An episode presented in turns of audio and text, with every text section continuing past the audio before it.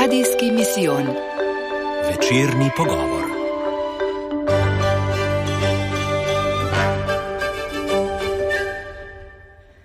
Dober večer.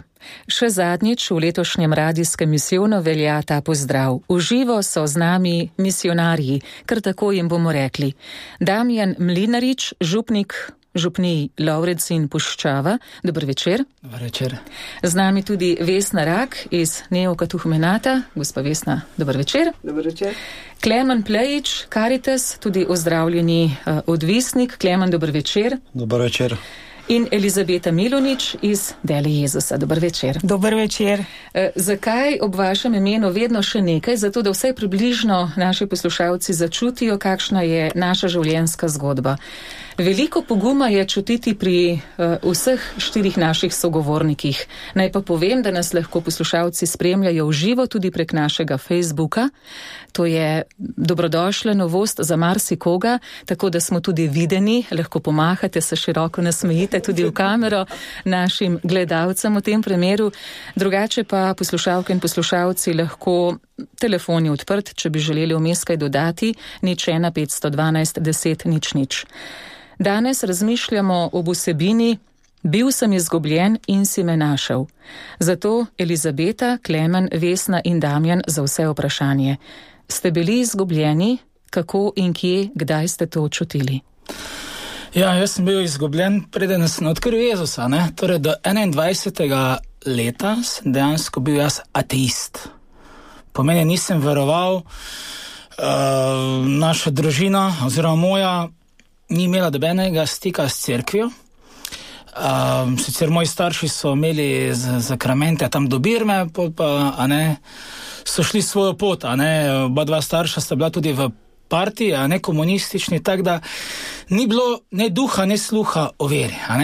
Dosti je bilo tudi doma, rekel, prepira.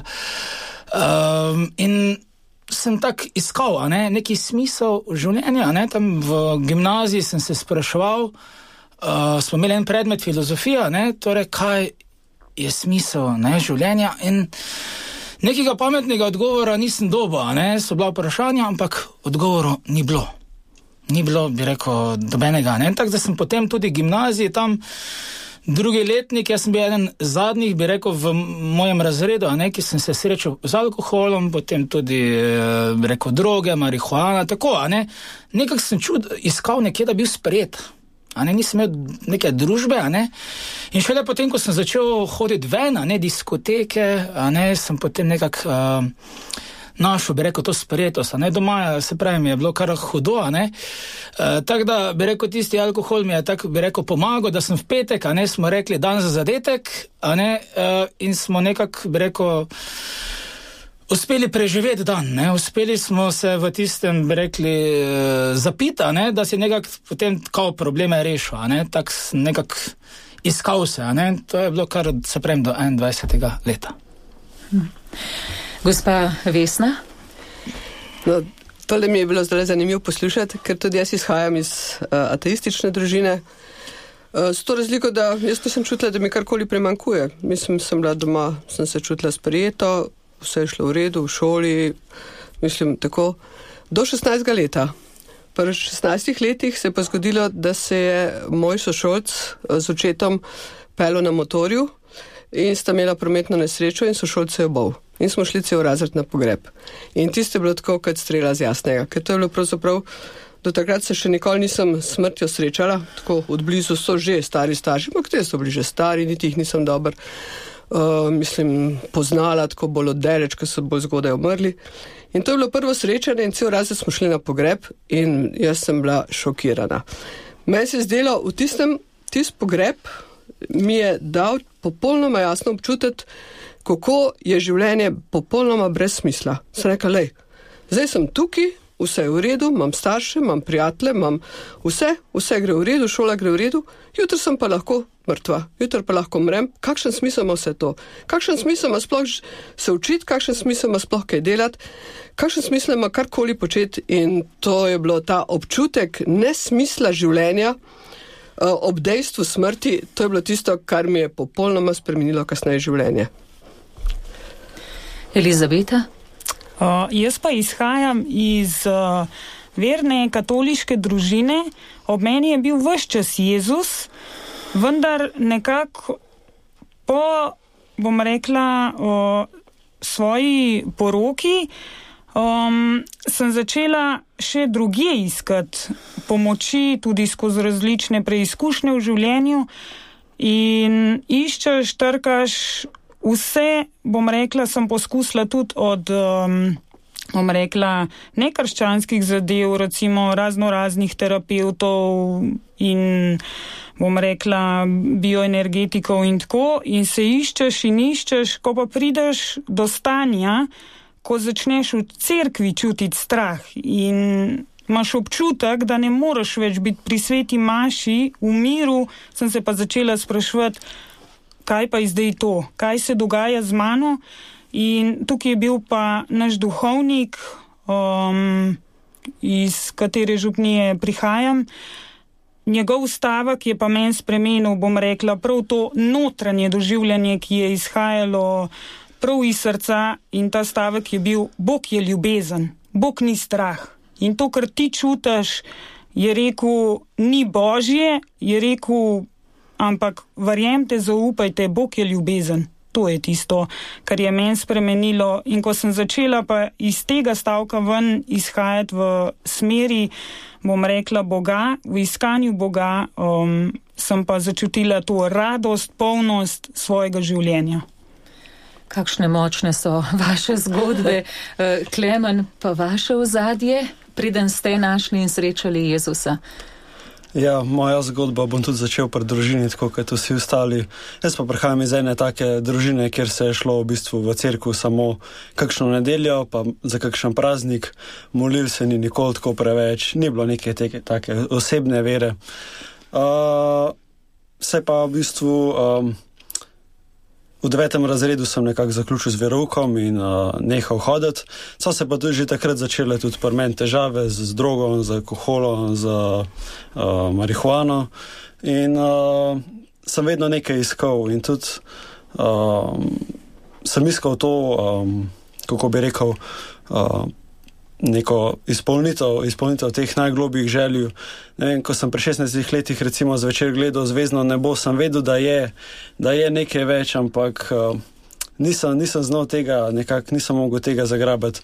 In nažalost je šla moja, moja, um, moja pot uh, odvisnika vedno bolj navzdol. In, uh, kar me je pa pripeljalo pač do mojega osebnega dna, kjer sem se pa res vprašal, kaj je smisel mojega življenja, kaj si želim, kako naprej. In takrat se je moje življenje začelo obračati. V sklopu radijskega misijona spremljate večer z našimi misionarji nocoj pod naslovom Bil sem izgubljen in se me našel, se pogovarjamo. Elizabeta Milonič, Klemen Plejič, Vesna Rak in Damjan Mlinaric so z nami. Preko Facebooka pa nas lahko spremljate tudi preko um, video kanalov, kot rečemo, tako v živo, da boste videli, kakšni so naši sogovorniki, predvsem pa kakšno je razpoloženje v našem radijskem studiu, torej povabljeni uh, k obisku naše Facebook strani. Radija Ognišče, Elizabeta, Klemen, Vesna in Damjan, gremo kar naprej. Namenoma, Klemen, sem malo prej rekla, vzdravljeni odvisnik. Zakaj? Ker ob tem vsak nekoliko zastrižeš z ušesi, postane pozoren, ampak na nek način smo vsi odvisniki, pa si tega ne priznamo. Od česa vse smo odvisni, preden srečamo Jezusa? Od pohlepa, pretiranih pohval, od denarja, od uspeha, skratka, lahko naštevamo v, de, v nedogled. Vsak ima neko svojo vero, nekaj, k čemur strmi, kjer se želi dokazati, kjer želi, da bi bil sprejet. Eh, mogoče to izhodišče, eh, dame in tudi vi ste rekli, seveda, bile so pomoči, da bi našel radost, tudi alkohol in ostalo, o petkovih večerjih, a ne dan za zadetek ste rekli. Lahko tako rečemo, da smo vsi na nek način odvisneži od nečesa, kar nam ne nudi, ne daje prave radosti. Čeprav kažemo samo na druge, na določene. Kaj pa, če obrnemo zdaj teh nekaj prstov vase? Od česa vse znamo biti v današnji sodobni družbi tolikšne ponudbe odvisni? Ja, seveda. Danes imamo možnosti, ne že čisto osnovna stvar, hrana. Ne, koliko ljudi je odvisni, koliko diet ni da ni, ne, se srečeval z ljudmi, ne, so poskušali, rekel en, rekel, poznam vse teorije, vse vem, diete, recimo, ne, ampak praksa ga muči, ne, recimo, ne, pol televizije, pametni telefon. Glejte, vrst, neskončna vrsta, ne, ki nas dejansko uničuje srkava. Zdaj sem recimo jaz, sem se vključil v eno akcijo, ne, Exodus 90, en taki, bi rekli, post, pa tudi, bi rekli, celostna preobrazba, ne, krščanska za moške. In sem tudi sam videl, ne kljub temu, da sem že, rekel, zdaj 17 let kristjana, ne, da sem videl, koliko stvari naj, so me omejevale, pa uničevale. Ne že pametni telefon, koliko krat ga vzamem, že Facebook, recimo, ne čeprav danes nas spremljate. Ne, jaz sem zdaj dejansko v tem času res prekinil z Facebookom, ne zdaj 80 dan ravno za mene, ne. Kako lajše je. Že hrana, ne, sem samo cuker, ena taka stvar, ki si je dal stran, torej sladkor, pa sladice. Wow, ne, mislim, ko se ti odpre svet. Recimo samo te preproste stvari, ne? To je na eni strani odpoved, drugi strani pa odločitev za, ne? Smo začeli prav ene take meditacije, torej krščanske, druga Mojzesova, ne poglobljeno, ne? Torej, tako so bili sužni, vemo, Izraelci, ne, tako smo tudi mi sužni, a ne, vse veste, Izraelci so vedno hteli, ne, tiste polne lonce, ne, vedno iskali, pa kak nam je to bilo fajn, pa so bili jezi na Mojzesu, so se kregali, ne. Bog pa ponuja nekaj več, nekaj novega. In tako isto nam danes ponuja Bog. In lahko rečem, da zdaj teh 80 dni je to tako, spet ena preobrazba, spet ena neka svežina, da spet vse polnosti čutim sebe, pa tudi vero. In lahko na ta način bi rekel, uh, več dam. Ne, se vemo, več daš, več veljaš. Lahko to obrneš na slabo, lahko pa na, na dobro. Ne? Gospa Vesna, pri neokatehumenatu ste se tudi tam, čemu skušate odpovedati, vsaj tistemu, kar vas ovira, kar vas bremeni. Ampak ob enem, ko se odpoveste, dobite na drugi strani veliko nekih novih pridobitev. Kakšne so vaše osebne izkušnje s to odvisnostjo, kot smo malo prej rekli, vsak je od česa? To je sigurno. Jaz mislim, ko sem se premišljala, ker sem poslušala Damena. Uh, tisto, kar v neokatehmanatu vsi, če vprašate koga, kaj si najbolj slišal, ko si prišel na kateheze, je to, da Bog te ljubi takšnega, kot si. Ne? In jaz mislim, da uh, če tudi, če gledam svoje življenje nazaj, tisto, kar uh, najbolj iščeš v življenju, je to, da si sprejet, ne? da čutiš, da te ima nekdo rad. Ne, dovolj je, da se ti zdi, da me se včasih dovolj zdelo, da sem mi zdela, da ima mama brata rajše kot mene, kar sploh, mislim, realno gledano, boh ve, kaj je to bilo. Ampak uh, to povzroča trpljenje in neprestano človek išče, da bi bil spored in uh, tisto se uh, konkretno pri meni se odraža s tem, da sem mislila, da moram biti posod prve in s tem obvladam vso situacijo. Ne? In uh, v neokatohmenatu na katehezah pa zaslišiš neki, da Bog te ljubi takšnega, kot si. In da imaš nekoga, ne glede na to, kaj se dogaja v tvojem življenju, da imaš tistega, ki te ljubi. In to prinaša eno posebno svobodo, eno sigurnost in en mir. Sveda, uh, takrat uh, to te tudi osvobaja te napetosti, da bi bil prvi, da bi bil uh, na ta način iskal ljubezen, ker pa starših se ti zdi, da moraš biti priden, dober in tako naprej, da si sprejet ali pa da stvari niso v redu.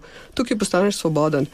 In ko čutiš to božjo ljubezen, ko si osvobojen, pa napolnjen z božjo ljubeznijo, potem lahko začneš to ljubezen dajati drugim. To je tisto, kar nekako, težko reči, kaj vse daje neokatehonat, ampak to je nekako tisto središče, da lahko začneš imeti red drugega, ko ti čutiš, da si ti uh, sprejet in ljubljen in to od Boga.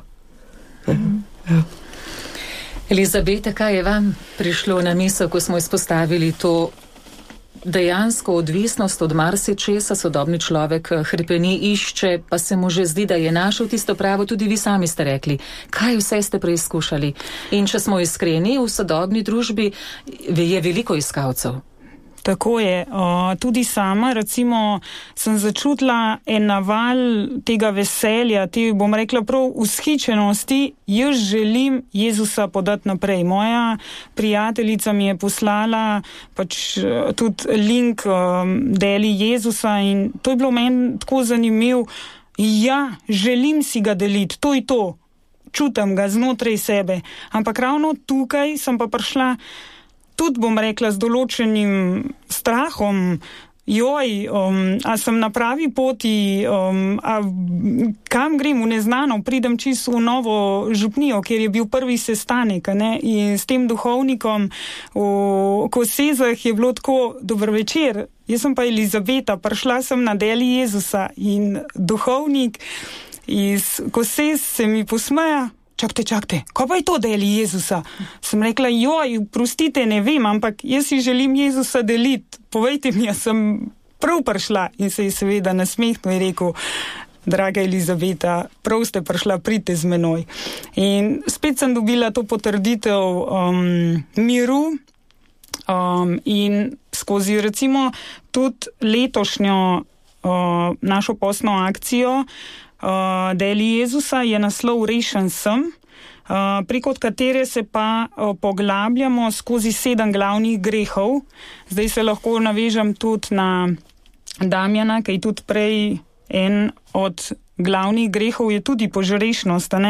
In v vsakem tednu smo spoznavali določen greh in ja, res je, sama sem čez teh sedem glavnih grehov sebe še bolj spoznavam. Res je, na zdravje.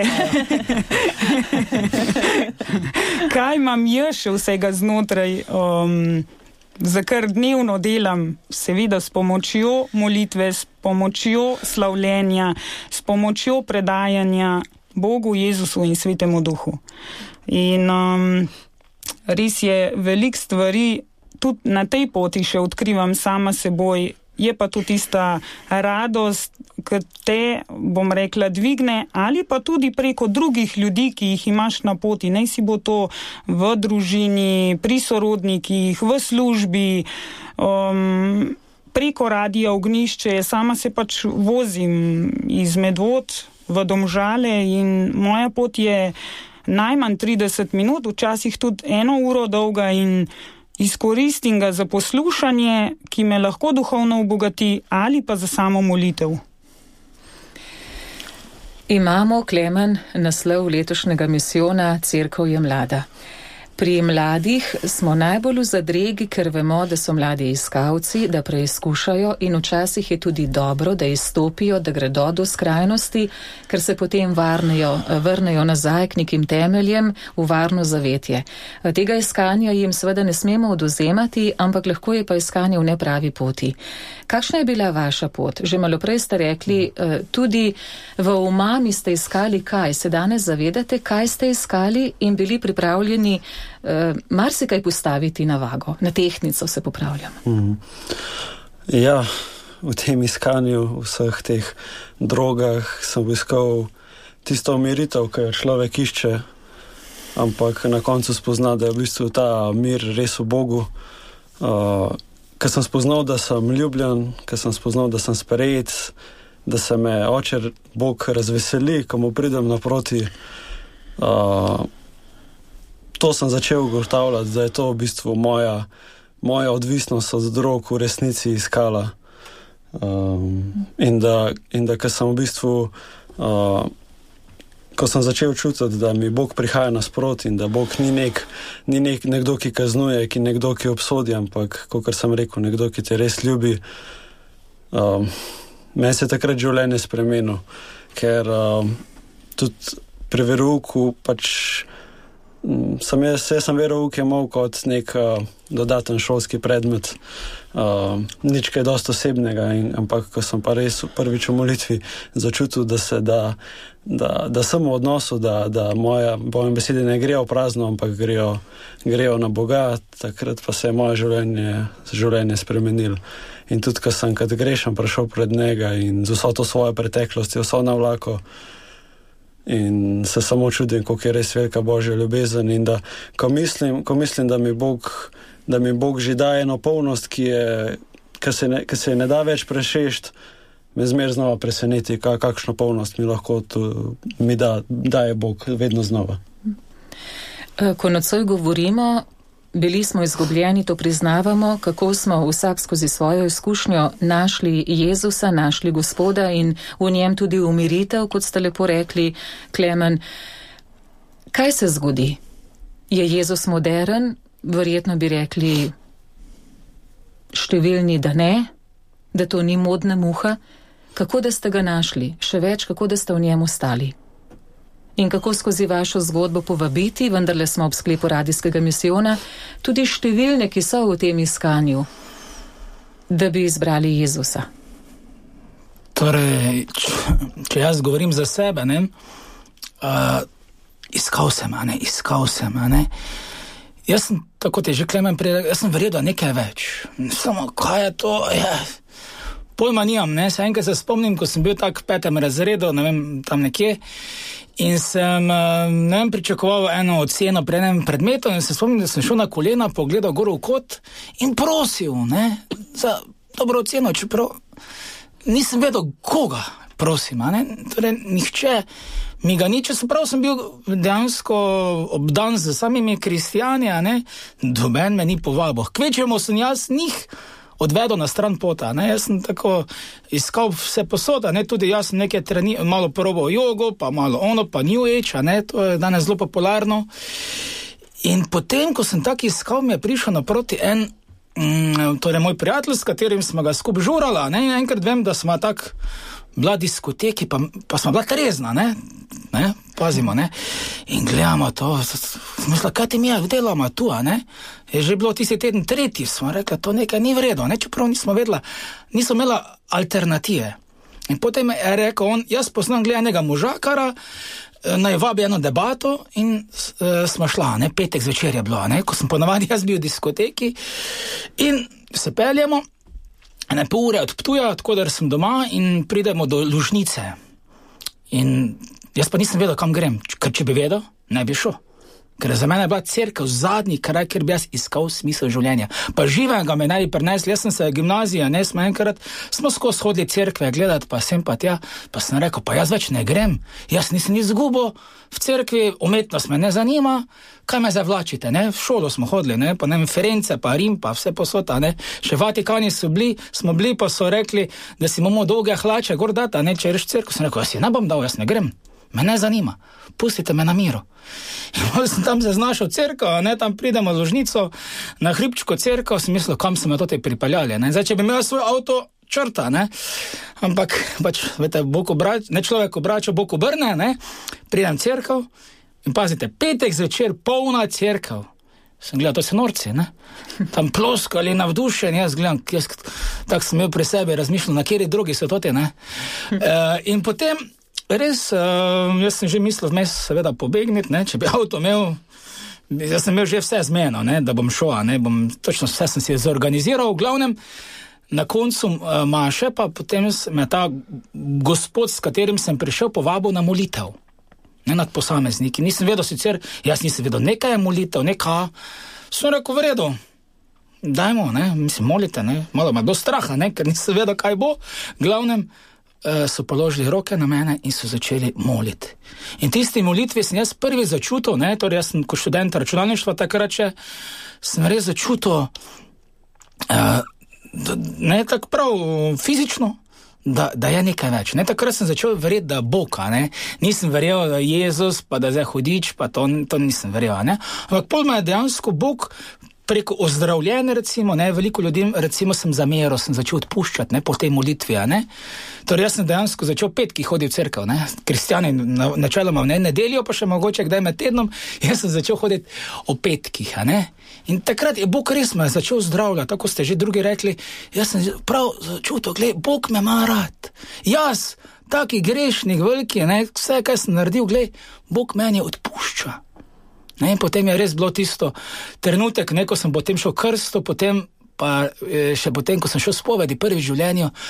To sem prav fizično začutil, kako sem svoboden, kako Bog mi prihaja naproti. In se mi zdi, da tisto, kar je temeljno, ne, uh, sveto pismo pravi, uh, Bog pravi, če me boste iskali, z vsem srcem me boste našli. To je obljuba. In kar Bog obljubi, velja za vse ljudi za vse večne čase. Torej, Bog, gled, če ga boš iskal, ga boš našel. To je obljuba. Včasih ga treba iskati eno uro, včasih je treba deset let, ne, zdaj jaz sem, koliko, ne, bil, ko sem Boga odkril, sem bil že kar ne, uh, eh, 21 let, jaz star, ne. Torej, gled, Bog vedno čaka. On je tisti usmiljeni, oče čaka, čaka, nikoli ne obupa. Ne? Mi smo tisti, ki obupamo, omagamo, ne? se nam zdi brez veze, vse skupaj. Teda se mi zdi tisto, kar je uh, treba vztrajnost. Torej, gospod, če si ti resničen, če me imaš res rad, potem mi to pokaži. Daj mi eno znamenje, da bom verjel. Ne, to se mi zdi ključno. Pol lahko začneš, ne tako se je meni zgodilo. Da sem potem sem kar začel požirati knjige, sem, sem dalje, ne vem, e, e, Miljan Tardif, Jezus me je poklical za svojo pričo. Jaz sem bral, da Jezus ozdravlja danes, mislim, super, ne? Sicer nisem razumel, kako je to zdaj bilo, pred 2000 leti je živel, pa umrl, pa zdaj spet živi, mi ni bilo čisto jasno, ne še takrat. Ampak sem začel videti, ne, da Bog živi. Videl sem čudeže, ne, ozdravljenje, videl sem ljudi, ki so imeli raka, pa so bili ozdravljeni po molitvi. Videl sem ljudi, ki so bili na invalidskih vozičkih, pa so začeli hoditi. Se sem prvo mislil, to so zihar neke naštimali, ne, torej, to ni resnično. Samo pol pa sem videl toliko primerov, recimo od mojega botra, ne, potem eh, je babica imela eno nogo krajšo kot drugo in med molitvijo se je podaljšala. Zdaj pa, eh, a ne. To so skrivnosti, ampak eh, Damjan, ko slišimo takšne zgodbe, si rečemo blagor tem. Ti so milostni, blagor tem, ker so videli, dobili spoznanje, kaj pa jaz, Bogareva. Jaz pa ne zaznam, jaz pa ne čutim. Ampak kot ste rekli, kdor išče, iskati je treba vedno znova, vedno znova, da pride do tega spoznanja. Uh, Vesna, kdaj ste vi začutili to prisotnost Jezusa? Da, da ste v njegovem objemu, tako živo, kot nam je Damjan povedal in že prej, no, tudi Klemen in Elizabeta, pa tudi vi, da fizično čutite prisotnost, predvsem pa to gotovost. Jezus je, Bog je, tu sem v njegovem objemu, ker ljudje začutimo, se nam zdi, da smo začutili, pa znova izgubimo, tega je veliko prehajanja, not ven, not ven. Ampak pri vas čutim pa, da v njemu stajate. Kako to?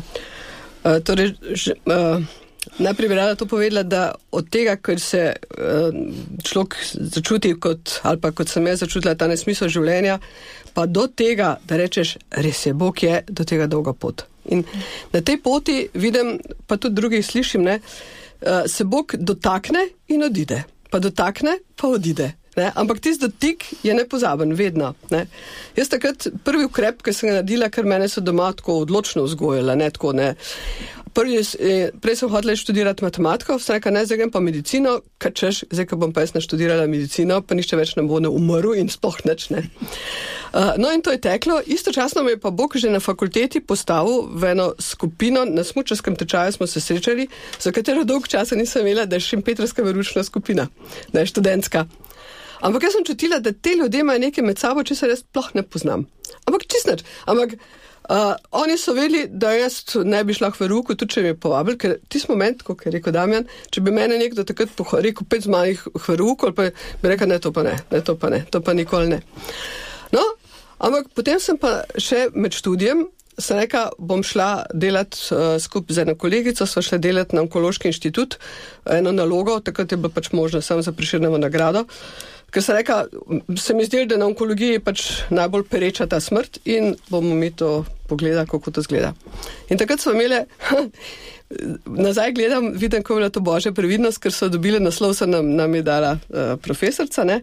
Ampak v tisto nalogo so bili zajeti tisti najtežji pacijenti, ki so bili res zelo zelo napredovalega raka. Ne? In ne, da so tisto obdelovali v zvezi z antibiotiki in tako naprej, tisto ni bistveno. In potem smo na sil, uh, en dan pred Silvestrovim, oziroma tam 30. decembra, treba je bilo dati 31. decembra, smo se naj čez noč spustili v spremno pisarno, da smo pregledali še, kaj se je z najnim pacijenti dogajalo po tistem, ko so odšli iz bolnice. In takrat je bil drugi šok. Kajti od najnih pacijentov, ki jih je bilo 365, jih je do tistega trenutka, če to je bilo pol leta, pol umrl. In tisto je bilo, vsak karton, ki so ga vzeli, vsak ta drugi je imel križ gor. In jaz sem šla domov, petih zjutraj sem šla domov, snežilo je, nam nikoli pozabila in se mi je v glavu vrtela. In potem sem se spomnila, da je moj oče med knjigami imel tudi eno sveto pismo, ki mi je bilo kar malce nerodno, da sem ga najdla. Iz leta 30 je bilo zelo staro in sem prišla domov in sem zmetala vse knjige ven in sem vzela roke sveto pismo, zdaj bom pa jaz naštudirala sveto pismo. Zato, ker med tem časom sem že videla, da tele moji prijatelji, ki smo hodili v hribe skupaj, da oni potem, ko se vračamo na delo iz hribov, oni grejo uh, hmaši. Medtem, ko jaz pa domov, ker sem strnovala na lirski, s potoma. In sem rekla, jaz sem med tem časom prebrala filozofov eno serijo, medicino sem bila praktično že na koncu. Uh, in se reka, sam ene stvari še ne poznam, ne poznam, eni hodijo v crkvo, jaz pa tukaj ne poznam nič. In sem začela svetopisov na strani ena in seveda potem, ki je bila stara, spol že počasno nisem več razumela, ah, sem rekla, to je stara zaveza, bom šla na novo, uh, mogoče bo to malo bolj moderno. Ampak pol na vse zadnje nisem tega nič razumela. In potem sem začela te moje prijatelje sprašvati in potem so mi oni rekli, ti pet lepo tečaj za katehumene in tako sem prišla v stolnico, najprej tečaj za katehumen za odrasle, ki iščejo sakramente. In sem prišla tja zelo naperjeno, ker sem rekla, če pa tu karkoli v zvezi z politiko, ker tako so mi doma govorili, crkva je politika. Sem rekla, bom pa odšla ven, bože, kako drugače. No, v glavnem, v glavnem je bilo to čist drugače. V glavnem je tukaj vse počasi se usedalo vame.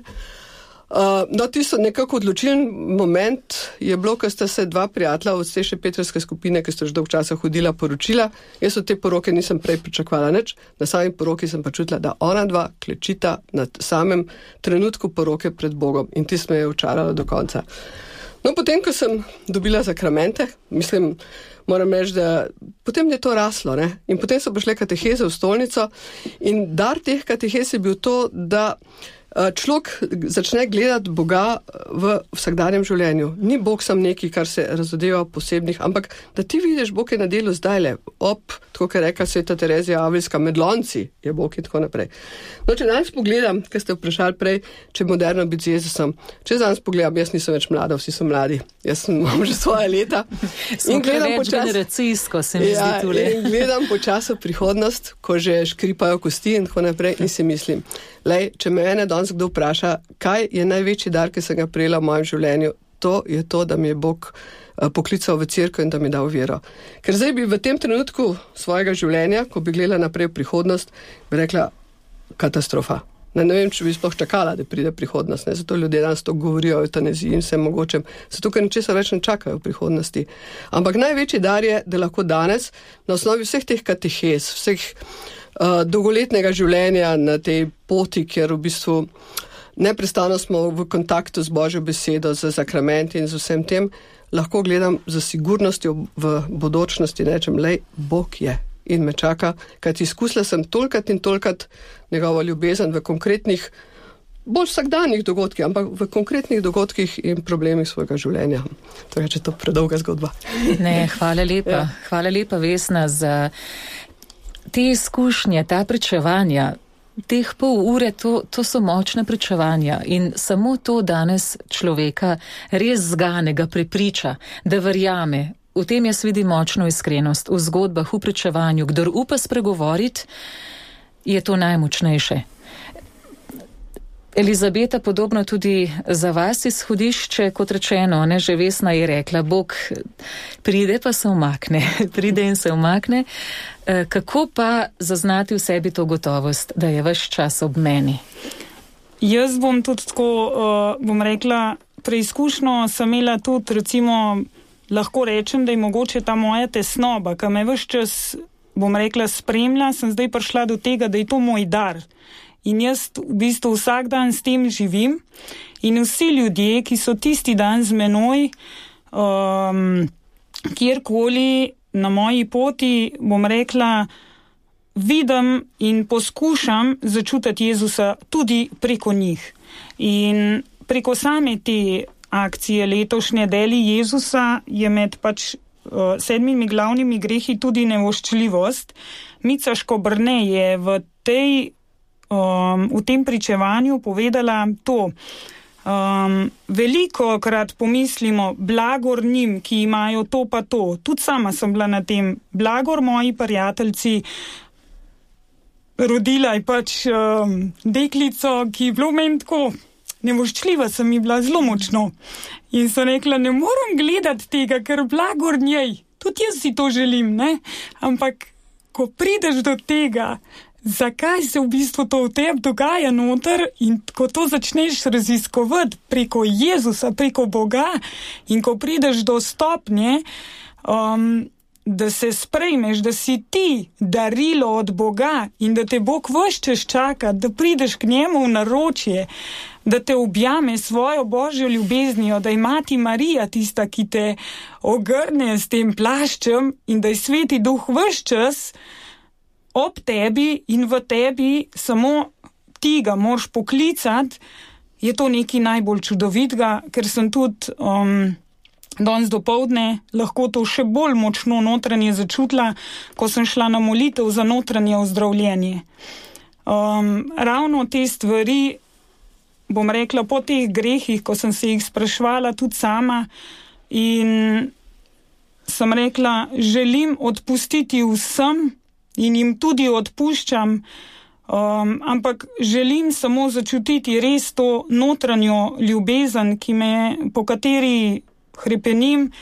Um, in ko sem res dopoledne to še bolj notranje doživela, to je ena sama radost, veselje, um, toplina znotraj srca in je vedno potem od dneva odvisno, pokliči ga, imaš možnost, možnost molitve, možnost spovedi, možnost obiska svete maše um, lahko tudi prek pogovora z osebami uh, v svojem življenju.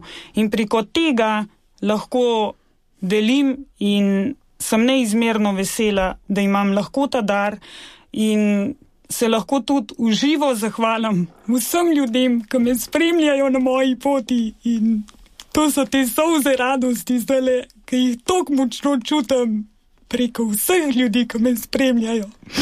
In to je tisto, za kar je vredno biti veren in biti, bom rekla, kristjan in priti pri sveti maši in začutiti to božjo ljubezen, kaj je Kristus naredil za nas.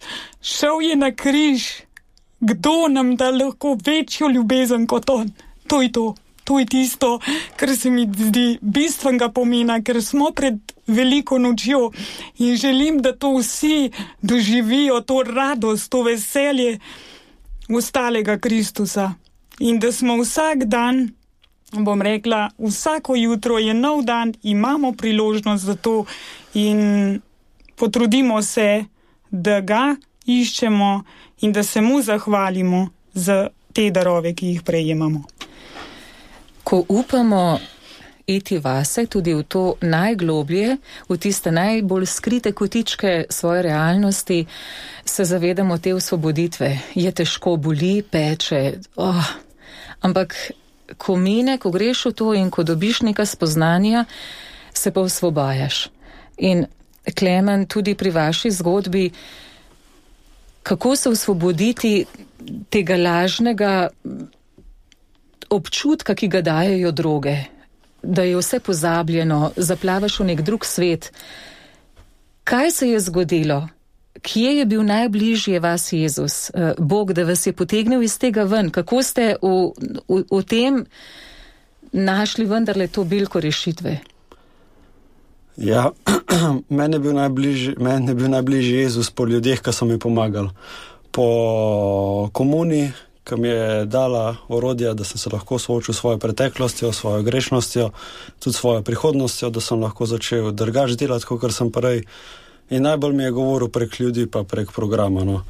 Uh, Nekako uh, najbolj sem ga pa tako občutil, ko v bistvu sem spoznal, koliko sem, koliko sem res nemočen pred samim sabo, pred uh, svojo grešnostjo da v bistvu edini, mi, da mi, v bistvu edini, ki mi lahko pomaga, je Bog in da samo če prepustim njemu, da vodi, če se mu prepustim njegovi volji, da pozabim na se, da vem, da jaz nimam kontrole v rokah, takrat, takrat, takrat je pa Bog začel počasi, počasi delati v meni. Drugač pa res največ to na program in drugi ljudje, zato ker so me spodbujali, so mi kazali pot naprej, so mi kazali, da je vredno živeti, da sem v redu, Uh, pokazal sem mi, da imam eno dostojanstvo, ki sem si ga prej sam nekako vzemal, ampak mi ga je potem Bog, Bog po drugih dal. Mhm. Preko Facebooka nas lahko uživo spremljate, preko Facebooka Radija Ognišče in eh, Klemen, kdor vas vidi, težko verjame, eh, takšen lep fant pa že takšno bogatstvo za seboj, takšno močno izkušnjo življenja. To so res močne pričevanja, eh, zato znova v nekem novem krogu našega pogovora. Eh, Damjan Mlinarič, vi ste župnik v dveh župnijah, Lovrenc in Puščava. Vi veste, koliko ljudi je danes izgubljenih, ampak jim je mogoče kar prvo doso v tej izgubi. Kako vi danes nagovarjate uh, ljudi, ne samo svoje župljane, ampak nasploh, kako mogoče se zdaj nekdo vozi, pa mu je, kot ste vi rekli, crkva mu ni simpatična, da bi se ustavil še umoliti, ja pa kaj še, izguba časa, ti kar nekaj fantazirajo, nekaj govorijo, so zasanjeni. Kako prinašati dejansko Jezusa to življenje med ljudi, kako prebujati? Ja, prej že omenjala, ne? Uh, molitev za notranje ozdravljenje. Ne? Jaz sem tudi diplomiral, ne? Nisem vedel, kaj ne pišem, ne se vemo, diplomska naloga, pač samo da prođe vreme, ne da nekaj narediš. Uh, jaz pa sem res iskal nekaj, da bi, imel, vete, da bi me zanimalo, da bi z veseljem naredil. In sem res potem napisal diplomsko za naslov Zgodovina molitve za notranje ozdravljenje. To, kar sem dejansko jaz sam doživel, to ozdravljenje, ne? torej kako je Bog mene ozdravlja. Ne, torej na vseh ravneh, fizično, psihično, in duhovno. In In to sem potem želel malo še bolj globje raziskati. In kaj sem gotovo? Glede, ime Jezus izhaja iz hebrejščine Ješua in pomeni Bog, ki uzdravlja, ki rešuje. Torej, Bog ne samo rešuje, ne, ker to je lahko zelo taka neodrešenik, neka uh, ideja ali pa nekaj, spoh ne vemo, kaj govorimo. Če Bog uzdravlja in za jude je tvoje ime pomenilo tudi uh, tvoje poslanstvo. In Jezus je prišel za to na ta na svet, da nas ozdravi, da nas reši. Ne, ne samo odpušča grehe, ne tako, ne, ampak konkretno nas lahko ozdravi, tako sem rekel, tudi fizično. In kaj sem eh, ugotovil, ko sem to raziskoval, da 30% recimo Luko evangelija, 30% Lukovega evangelija govori o ozdravljenih. To meni ne, ogromno. In zdaj tudi druge evangelije, nekaj petina, pomeni, da to bilo za Jezusa zelo pomembno. In Jezusa je bilo to tako pomembno, da tudi, ne tako eni pravijo, to, ko sem raziskoval, da tudi zaradi tega bil pripravljen umreti. Razumete, to ni bilo tako, tako je bilo, ne se veste, farizeji pa ti, ne so rekli, se spomnite, Jezus je za nalaščo soboto uzdravljati, ko ne smeš delati, še luči ne smeš prežgati, recimo danes, ne še ljudje danes, to, tisti pravoverni se držijo tega. Ne? In uh, Jezus je za nalašč šel zdravljati. Kaj bi lahko komu odkjer drugi dan? Zato, ker rekel, gled, kaj je zdaj več človek, sobota. Torej, danes smo zato, ne, tu, da ljudem to ponudimo. In se mi zdi, danes gledaj, kaj ljudje iščejo. Zdravje. Pa imaš one bioenergetike, pa imaš rejki, pa imaš vse. Je seveda, ker crkva pa premalo, premalo tega ponujamo. Ne, moje sanje, ne, na koncu uh, diplomske sem napisal, sanje je, da bo, da bo lahko, recimo, da bo prišel čas, ko bo vsaka župnija eh, ponudila molitev za ozdravljenje in da bo k nam prišli tudi neverniki. Ne, to je ena izmed najpomembnejših stvari crkve, ki, ki danes ponudimo. In sem bil res v župnijah, kjer imajo to, recimo, ne, sem bil lansko leto v Kanadi, Halifax, eni župniji, kjer dejansko ponedeljski maš je to normalno, ljudje pridejo čez stiska, problem. Ja, kaj boš mu zdaj povedal? Lahko visoko leteče besede, ja, se bo boljše, ne, bla, bla, bla, kupi si cel kup zdravil. To je ena možnost, druga možnost pa gledaj, dam tisto, kar imam. Nimam srebra, zlata, imam pa to, kar ima, ne, v imenu, se spomnim, v, Jezus, v imenu Jezusa, Kristusa, vstani in hodi. To meni, lahko molim za tebe, lahko položim roko, lahko te objamem, ne. To se mi zdi, da, da danes lahko mi ponudimo, ne. To bi jaz rekel. Koliko močnih izhodišč, Vesna, bili ste kar globoko zamišljeni, kaj vas je nagovarjalo ob besedah Damjana? No, premišljala sem pač uh, tudi svoje zorne kote, ne istočasno. Uh, ker, um, kot sem rekel, mislim, to spreobrnenje so, vemo, iz uh, zapisov in vsega so trenutno spreobrnenja, ampak drugače je pa to pot. Ne? To je dolga pot, kjer um, človek preverja, preverja, ali je to res ali ni res. Dolgo časa jaz se spomnim pri sebi, sem vedno preverjala, a je to res ali ni res. Ne? Moram reči, da pač uh, ta neokatehomenat po teh katehezah in v tej skupnosti, kjer uh, se dobivamo o božji besedi, ki ob sakramentih in tako naprej, sem imela veliko priložnosti, mislim, ta pot daje veliko priložnosti, da preverjaš, da preverjaš, da rečeš, oznani se božja beseda. Ne? In potem preverjaš, aha, če jaz vstopam v božjo besedo, kaj se bo zgodilo, a je to res ali ni res. Ne? Ker uh, gre samo za to, a Bog je ali ga ni, ali je to izmišljotina, ali res je. Kaj ti če je, potem je to fantastično odkritje. No, in uh, to odkritje mi je bilo, hvala Bogu, dano po tej poti, po teh dolgih letih. Uh, drugače pa uh, mislim to, da tisto, kar in tudi sem gledala, recimo pri svoji družini, ateistih in tako naprej, tisto, kar človeka vrže stran od uh, Boga, največkrat, mislim zelo pogosto, ne bom rekel največkrat, je križ, je trpljenje. Bi, in ti so najbolj pogosto vprašanje, ki ga dajo vedno te isti. Če bi Bog bil, zakaj se to dogaja? Zakaj se te stvari dogajajo? Zakaj? In tako naprej. In tukaj moram reči, da na tej poti odkrivamo, da ta križ vsakega od nas, kajti vsi mi imamo vsak svoje trpljenje, svojo zgodbo, svoje stiske, da ta križ ni tisto, kar nas je uh, hotelo ubiti, ampak da je ta križ je bil Bog nam ga dal, zato da smo lahko prišli do njega. Ne. Če jaz pogledam nazaj, tisto darc, ki se je sošolcev bal, mislim, če tega ne bi bilo, boh je kje je bila jaz danes, boh je še vedno bi živela na oblakih, mislim, in bi se znašla v tej svoji starosti. Pred popolnim nesmislom, ki bi ga zdaj iskala, kar je pa težko razrešiti. In da vidiš, in tudi, ko smo gledali vse druge, ki prihajajo na kateheze poslušati in tako naprej, ko se začne razjasnevati ta križ, potem lahko ostanemo iz tega križa. Potem lahko začnemo gledati na Boga tistega, ki ti daje križ uh, kot dar. Kot dar za to, da ti dvigneš pogled k njemu. Ker drugače ni treba. Če si zadovoljen, če ti nič ne manjka, vse Bog ni potreben.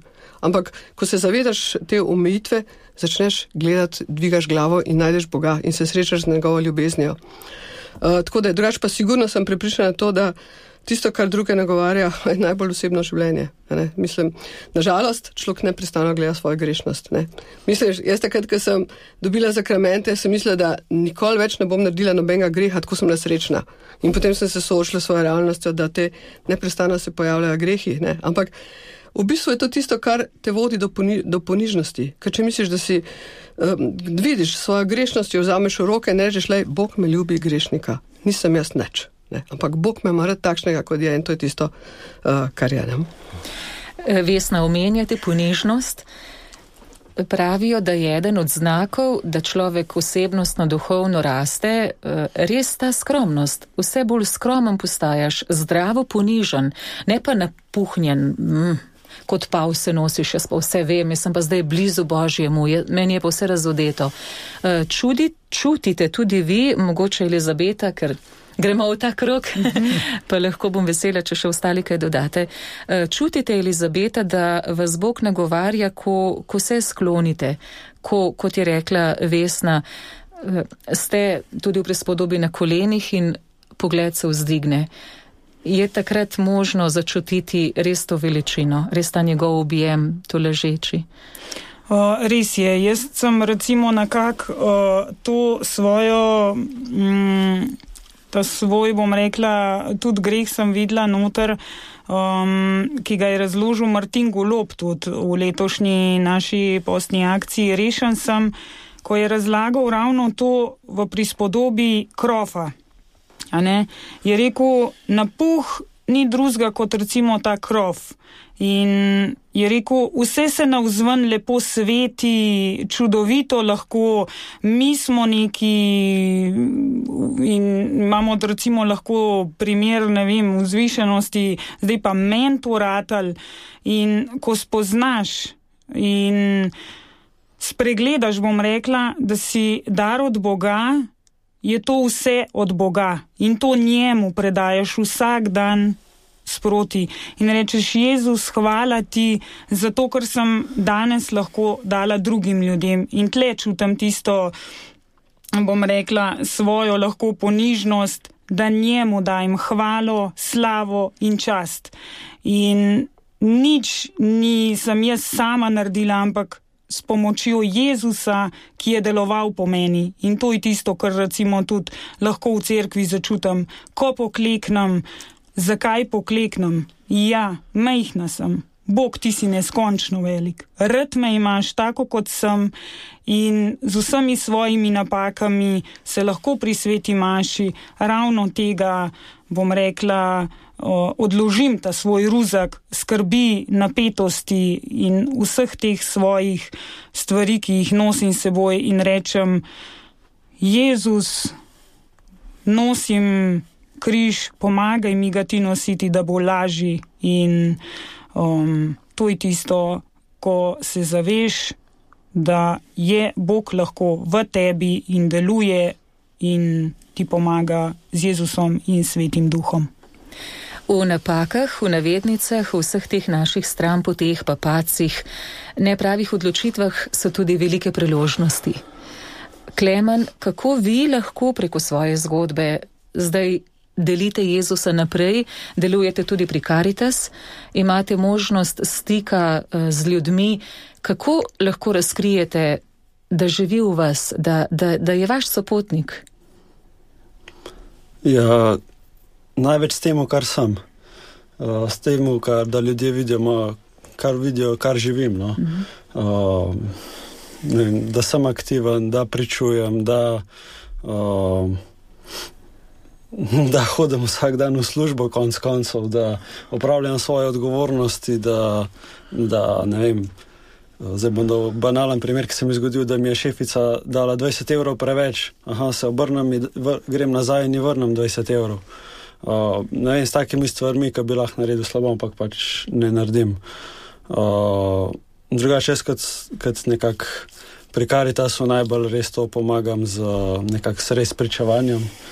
Uh, to nekako je, je moja največja vloga tukaj pri Karitasu in uh, v bistvu to, da um, po eni strani, da se zavedam, da jaz sem, da jaz, uh, da jaz nisem voda, ki prihajam, ampak da sem samo pipa in da, da res ljudem probam prek svoje zgodbe povedati to, kar se mi je zgodilo, da bi pač tudi oni lahko. Um, videli, da nikoli ni tako hudo, da, Bog pač, da, da Boga ne bi mogel biti tam, pa da, da drugih tudi ne bi mogel, da jih ne bi mogel imeti Klema, naslov letošnjega radijskega misijona je Cerkev je mlada. Torej, imamo v mislih mlade, ko govorimo, ampak seveda vsi ti nagovori, vse te razmišljanja so tako dragocena, prav v vsakem trenutku, ne glede na to, kakšna je moja starost. Sej, vsi želimo biti mladostni, tudi pri stotih letih želimo čutiti življenje, še vre v nas. Zato na nek način uh, ta misijon nagovarja vse, ampak crkva je mlada in tudi vi, Klemen, upam si reči, da ste najmlajši nocoj v naši sredi, v tej zbrani družbi.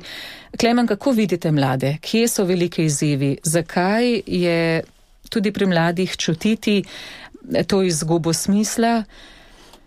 In kako jih vi skozi svoje prečevanje uh, mogoče vračate nazaj na pravo pot, kaj jih prebudi, kako poslušajo vašo zgodbo, lahko smo zelo konkretni, kaj podelite z nami, ker prečujete, ste rekli, to je vaša mhm. glavna naloga, ja. sodelujete na tak način s Karitas. Da. Kaj se dogaja v, v občinstvu?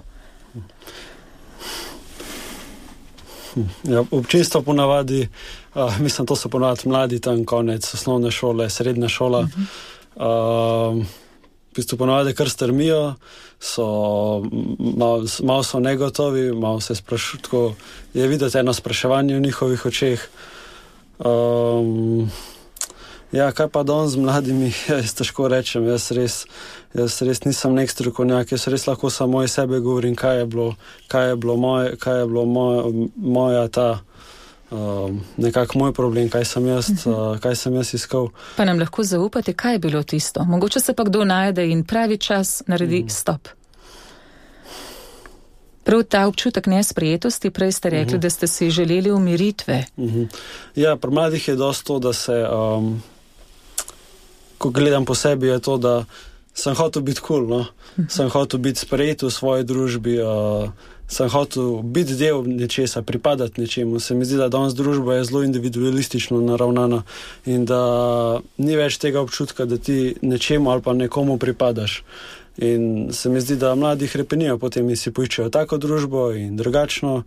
In eni si pač nažalost najdejo, na, se, se najdejo v družbi, kjer je droga in tam se počutijo domače in sprejete, nažalost, ker niso dobili pač drugačnega zgleda. Uh, to po drugi strani pa to, da je bil en velik problem, recimo v veliki teh motilcev, telefoni, uh, televizija, računalniki in uh, mladi, mislim, odvisno kako kdo, ampak uh, ne vem, če, če, ne vem, če imajo toliko še možnosti, da, da iščejo neko tišino, da iščejo samoto, uh, ker je težko iz tega, iz tega sveta, kjer je toliko enih dražljajev in enih impulzov, uh, prejiti v tišino. No. Tudi, ko sem sam to videl in ko sem začel enkrat to tišino iskati, je meni tudi to. Da sem prišel do tega, da sem se odločil za komuno in za neko drugačno življenje, mi je tudi to pomagalo, da sem hodil, da sem bil veliko sam, veliko samoti, veliko naravi. Uh, in sem se spraševal, kaj je. No. In danes tudi pri mladih vidim, da mogoče so zelo bombardirani z vsemi temi uh, impulzi. Prebrala sem nedolgo tega, da imajo nekateri prav težave sprejeti svetlobo. Ko gredo na sonce, jih fizično ta moti in se umaknejo v temo in znajo živeti samo, ko ni svetlobe, ko so v zaprtem prostoru. Eh, tako fizično smo že oddaljeni od svetlobe. Mi lahko tudi v prispodobi govorimo o svetlobi, ki je uh, Gospod je Jezus. Uh, Damjan, kako dati priložnost ljudem, da bi sprejeli Jezusa, da bi se spoznali s pravo vero, kje jo lahko najdejo? Če se mogoče obrnemo na zelo nasprotno stališče, če nagovarjamo tiste, ki rečejo ne, tega ne potrebujem, bom iskal po svoje. Zakaj dati priložnost Jezusu? Zato, ker uh, Jezus nas je ustvaril, prva, torej Bog nas je ustvaril. In če spoznaš tistega, ne, če stvarnika, ne, vesolje vsega, ne, pol, ne, je vse drugo prazno. Ne, tako kot je rekel Pavel, ne, ko je spoznal Boga, ne Jezusa, je rekel, vse drugo je, eh, so smeti. Ne, vse drugo je prazna slama, ne, brez veze. Ne, tudi jaz, ko gledam svoje življenje, ne, prej sem se pehal ne, za materi materialnimi stvarmi. Vem, vse sem si želel, ne, tako kot smo prej slišali, ne vošljiv sem bil, nisem si želel ono, tisto. Ja, Jezus pa te lahko sreči. To, to je moja izkušnja. Tako smo že slišali. Začutil sem en mir, eno sprejeto, vse sem mir že doživljal, ampak taki mir, ko mi je dal Jezus, da svet ne more dati pa tudi joge, neko sem tiste vaje delo, nekaj smo tam, ne? ne, ne mogoče. To lahko samo da živi Bog in ta živi Bog je Jezus. Ter, ki ga lahko osebno poznam, ni tako danes, da se neka energija, nekaj tudi danes skušajo nekaj nam prodati, bi rekli. Ampak samo Jezus. Kot oseba, vemo, da je to ljubosumen Bog in želi, da njemu damo prvo mesto. Ne? Nekoč je, mislim, da dela celo Mateja Svet je dela, ne smočarka. Ne? Re, rekel, Bog na prvem mestu je vse ostalo na pravem mestu. In tudi Božja beseda pravi: iščite najprej Božje kraljestvo in njegovo pravi, pravičnost, in vse ostalo vam bo navrženo.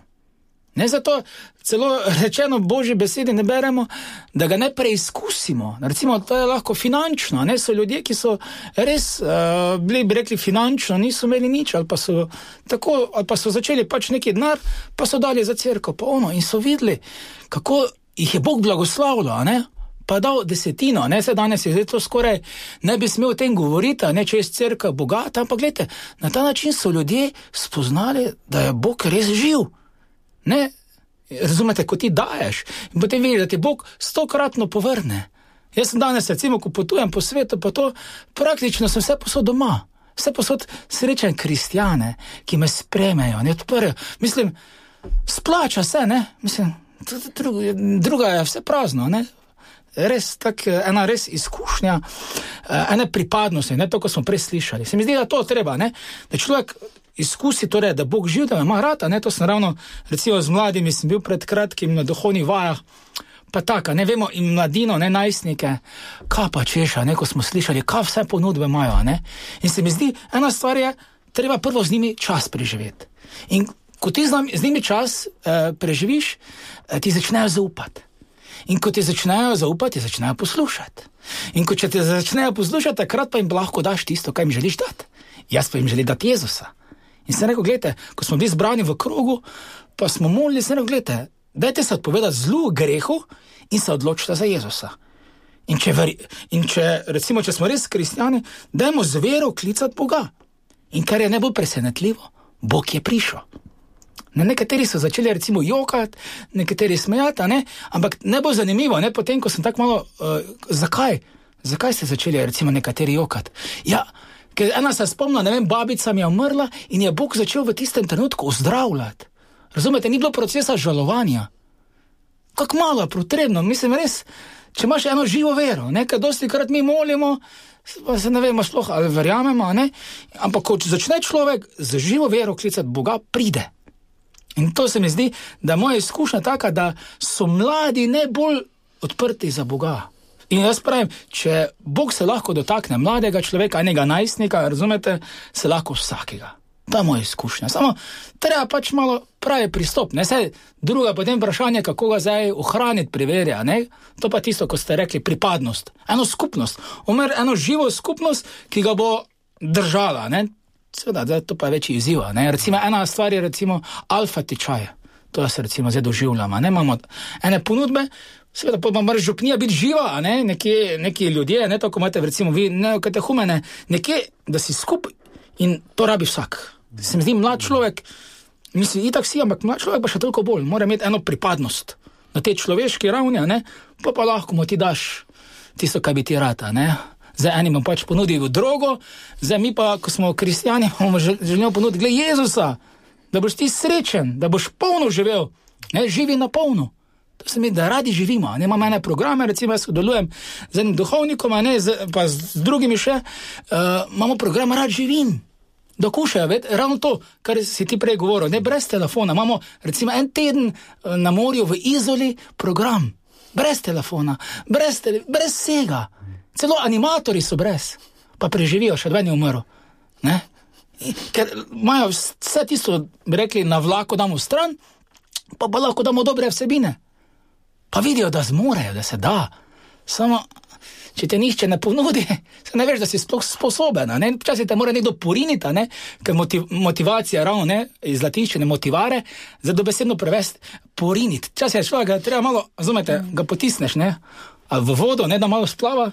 In potem se lahko začnejo stvari, a ne dogajati. A ne? Klemen Plejič, naredimo zdaj v obratni smeri ta krok še za slovo našega nocojšnjega uh, pogovora v sklopu radijskega misijona pod naslovom uh, nocojšnjega večera Bil sem izgubljen in si me našel, ko govorimo, da je crkva mlada. Klemen Plejič, kaj bi vi rekli, kako sprejeti Jezusa, kako ga vi sprejemate, kako z njim živite slehrni dan? Kako vas usmišlja? Po čem hrepenite in strmite, da vas ohranja na pravi poti? Vi v svoji mladosti. Ja, hrepenim po povezanosti. Hrepenim po povezanosti z njim, z drugimi, uh, konc koncev tudi sami sabo. In ko vidim, če sem, če sem povezan z Bogom, če sem povezan s sabo, če sem povezan z drugimi, sem povezan z Bogom in vse obratno. In jaz skozi bolj opažam, da je to moje edino hrepenenje. No da sem povezan. Elizabeta Melonič, kako vi ga že konkretno delite tudi ja. preko sodobnih socialnih omrežij, ampak kaj je najbolj dragoceno, kaj vas ohranja v smislu, v povezavi z njim? Uh, jaz, kot sem rekla, že najprej je tista, bom rekla, osebna molitev, že takoj, ko vstanem zjutraj in petje je tisto, ki mene navdihuje, recimo še bolj močno doživeto je petje med svetom mašo. Um, začutam to radost ob inštrumentih, uh, lahko izpostavim recimo študentske svete maše ob sredah zvečer pri frančiškanih na Tromostovju. To je nekaj tako čudovitega, ko začutiš to mladino, ki daje ob inštrumentih in svojimi glasovi to radost. In to je nekaj najbolj čudovitega. Ali pa v sami župniji, znotraj naše župnije je tudi veliko mladine. Pri nas je, uh, ravno danes je bil tudi oratorijski dan izdelovanja Butaric, uh, mladi so pripravili uh, Kristusov pasion. Um, treba je v bistvu že uh, z majhnimi otroki začeti in ko to vidiš, da skozi mladino deluje Jezus, to je nekaj čudovitega. Hkrati pa recimo nagovarjajo tudi mladi starejše lahko in se učimo pa lahko tudi iz starejših ljudi. Konkretno tudi sama, recimo, sem se tudi zdaj recimo skozi to akcijo Deli Jezusa še bolj povezala iz svojo staro mamo preko molitve in ampak treba je pa vse čas tudi razločevati. Ja, je Facebook, ampak kaj pa iščeš ti na Facebooku? Zdaj pa pač na tem, da ko iščeš in trkaš in da najdeš tisto pravo, je tudi to ena od možnosti, seveda. Um, priložnosti, jaz mislim, da je, mladi so res še bolj, bom rekla, poklicani k temu, um, da, dajejo, da dajemo svojo energijo naprej. Um, in to je pač Jezus je med nami in dajmo to veselje naprej vsem. Pomembne so izkušnje, da jih dobimo, da si jih dovolimo eh, doživeti in izživeti. Eh, Klemen pravi, pomembna je sprejetost, da nekomu pripadam. Eh, Vesna Rak, vi ste pri Neukatehumenatu, pri vas je močna ta skupnost in crkav je skupnost in to je kar eden od pomembnih odgovorov. Če začutimo, da imamo svoje mesto v skupnosti, če nas ta sprejema, z vsem, kar smo, tudi z, z mojo tečnobo, pa z mogoče včasih drugačnimi pogledi, ampak mi da prostor, me sprejme mece, eh, to je tisto, kar je tudi zelo vabljivo in na takšen način bo crkva ohranjala svojo mladostnost. Eh, kaj bi vi rekli? Torej, vsekakor. Ne, mislim, ta skupnost, ki ne nastane zaradi enih človeških povezav, ne, pri nas nastane, pri nas um, neokatehmenat nima samo eno skupnost v župniji, ampak ima tako kot šolski, raz, ne, šolski razredi, ima skupnosti, ki si sledijo. Ne, in vsaka skupnost, ki je starejša, je če dalje več mladih noter. Ne. Tako da ta, um, ko smo se pogovarjali o mladih, na no, moja izkušnja je, da kadarkoli smo šli na ta romanja z mladimi in to naprej, da te mladi srkajo. Kajti, če pogleda, če oni mehen odprejo svoje globine, se vidi, da oni prinašajo sabo velike rane, od družine, od vse mogoče se dogaja in ko jim Božja beseda spregovori, potem začutijo, da jih ima Bog tisto, kar iščejo. Ne? Uh, drugače pa pri nas se vse začne z katehezami in teh katehez, teh 15 katehez je to eno uvod v to življenje, v skupnosti, kjer se potem živijo zakramenti, še naprej so kateheze. En pomemben del je sigurno uvod v molitev, ki je dolg uvod, traja dva meseca ob vseh katehezah. Uh, ker brez molitve, mislim, potem, ko greš enkrat brez molitve, si izgubljen. Brez molitve si greš stran Boga, ne poslušaš več njegove besede, se ti zdi, da je Bog daleč, medtem ko molitev povezuje. Ne? In uh, vstopati v to molitev, ki je dejansko neizmerna, ki je, mislim, to je nekaj čudovitega, to je ta povezava. V skupnosti pa skupno poslušati Božjo besedo, pa. Uh, Ko se ta božja beseda lomi po duhovniku, ko bratje in sestre v skupnosti dajo odmeve na to besedo, kje se jih dotika v njihovih konkretnih življenjih. Ne? Ker pri nas je podarek na tem, kje se mene dotika v moji konkretni situaciji, kaj mi Božja beseda govori danes v moji konkretni situaciji, v mojem trpljenju, v, v problemih, eh, za čemerkoli in tako naprej. In vidiš, da je Božja beseda živa, da je Bog živ, ker deluje. In tudi kasneje imaš v skupnosti priliko videti, kaj je ta Božja beseda pri nekomu v eni konkretni situaciji naredila. Kje, lahko primeš Božja dela dejansko v roke, v tem življenju, ki ga živimo, brez velikih stvari, ampak v tem življenju, ki ga živimo, z trpljenjem, z srečo, z, uh, z vsem, kar je. Mislim, vem, mislim, tisto, kar mi dajemo na. Če me vprašate, mislim, meni je največje veselje imeti kateheze, ker imamo vsakem tok časa kateheze, zato da to bogatstvo, ki sem ga prijela, ki mi je dalo neizmerno srečo v življenju, lahko dajem naprej. Ne? In najbolj sem vesela, kadar prihajajo te isti na kateheze, ker vem, kakšno je trpljenje ateista. Vsak mogoče misli, ah, ateist misli, da lahko dela kar hoče, pa ga noben ne ovira. Ne, ateist trpi. Če dalje bolj trpi, v globino trpi. Uh, in kako mu božja beseda prenaša to um, drug način življenja, to um, uh, vstopanje v en smisel življenja, kako spremenja življenje. Mislim, to se mi zdi čudovito. Jaz sem zelo hvaležna za to, kar mi je bilo dano.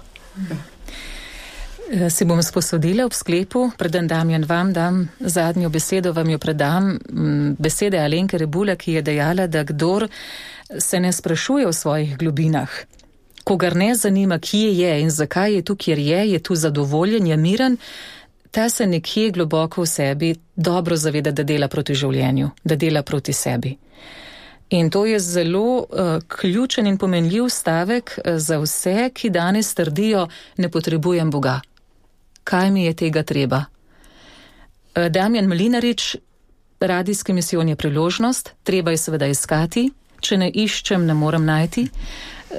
Vaša spodbuda v sklepu kot neka pel vseh celotnih tedenskih nagovorov. Ja, jaz bi Vi ste, če dovolite, Damjan, vi, vsak od vas je pravzaprav dokaz, da Jezus naj išče in najde tudi tam, kjer mogoče najmanj pričakuje, da bo našel nekoga, ki bi mu sledil. Vsak od vas ima takšno zgodbo, ste ste rekli, odvračali ste to. Ja, jaz bi rekel, a ne, uh, radi bi živeli. To se mi zdi, a ne. Če človek rad živi, če živi na polno, to je to. Imaš veselje, da, da si vesel, da se lahko zjutraj zbudiš, da si vesel, da si že rekel, da, rad, da rad delaš, da imaš neko delo. A ne, ker vemo, danes recimo delo se ne, ne, ni cenjeno, ne. Torej, da res, eh, da vse, kar delaš, da delaš, kako je že mati Terezija rekla, male stvari z veliko ljubezni. To, to se mi zdi najbolj temeljno. Ne? Da, to, da, da vse to, kar, kar smo rekli, molitev, zakrmenti, da te to pripelje, tudi skupnost. Recimo, jaz sem zelo, eh, jaz sem tako, eni dve skupnosti, duhovniški. Ne? Ena skupnost je, ko se dobivamo vsak torek in vedno bolj radi smo skupaj, komaj čakamo. a Ne? Zdaj smo že tako daleč prišli, a ne? da letos bomo šli, smo rekli, gremo s kolesi Santiago, ne? Eh, šest duhovnikov. Ne, razumete, Ker duhovniki smo navajeni, pač svete, vsak ima svoj uh, vrtiček, a ne moš tisto, uh, vsak petelin, ne rekli, da svojem kupu gnoja. Eh, da, ne, zdaj pa mi smo pa začeli, rekli, obraten proces, kar je verjetno zelo težko, ne, če si navajen s- sam živeti, zdaj pa naenkrat, ne, pa žel, želimo biti skupaj. In tudi, če gledamo, kaj pa Jezus dela. Jezus je pošiljal dva po dva. Ne, torej Jezus ne želi, da smo sami. Ampak tako smo rekli, mi da smo ena, del ene skupnosti, ki pripadaš in da ta, ta skupnost nisi zaprt vase. Ena sestra je enkrat dejala, ne, take pač malo izzivalne, ne, provokativne besede, je rekla, ko sem mm, hodil na e- ene take eh, zadeve za mlade, pa sem tudi bil animator, pa voditelj, a ne v kanjem dolu, moče nekateri poznate sestra Rebeka, je rekla, ko je videla, da vsak dela za sebe, razumete, vsak po svoje, in se je zadrla, je rekla, vsak je zase, pol pa smo se mi zadrli kao prase. Da smo se zavedali, gledaj, hej, pa kaj delate, pa dajmo, bodimo skupaj, bodimo eno. A ne, kaj pa Jezus v en- veliko duhovniški molitvi dejal, da bi bili eno. Da bi res bili crkva, torej eno, e- edino v različnosti. Smo si različni, smo, ampak imamo isti cilj, smer je Jezus. To se sm- smer Jezus in zdaj pač vse, kar delamo, da bi, da bi res bili živi pričevalci, tako ste rekli, da bi bili zgled, ne zdaj pa se veste. Včasih nam rata, ne včasih ne, zato pa moramo biti drug drugemu v oporo, ne pa da si postavljamo ne, noge, a ne se vemo, mm. to ni težko, ne, nogo podstavi drugemu, ne, težje pa je biti vesel, a ne, e, ne vem, pravi Pavel, nosite bremena drug drugega, a pa imejte v ponižnosti drug drugega za boljšega od sebe. To je najlepše zdravilo. Dragocena štiriperesna deteljica ste bili nocoj, zelo lep venec ob sklepu radijskega misijona. Hvala lepa za obisk tudi v nocojšnjem večernem misijonskem pogovoru. Naši misionarji so bili Elizabeta Milonič, Klemen Plejič, Vesna Raki in Damjan Mlinarič. Veliko blagoslova in žegna pri vašem delu, da bi delili to pravo ljubezen z veliko začetnico, ki je med vse ljudi, da bi se čutili sprejeti in povezani. Hvala lepa za nocoj in Bog z vami. Hvala lepa tudi vam. Hvala lepa. Bogu hvala. Bogu hvala. Pozdrav tudi vsem, ki so nas spremljali v živo prek že, ja. Facebooka in vam prek radijskih sprejemnikov. Lahko noč. Lahko Lahko noč. Radijski misijon. Večerni pogovor.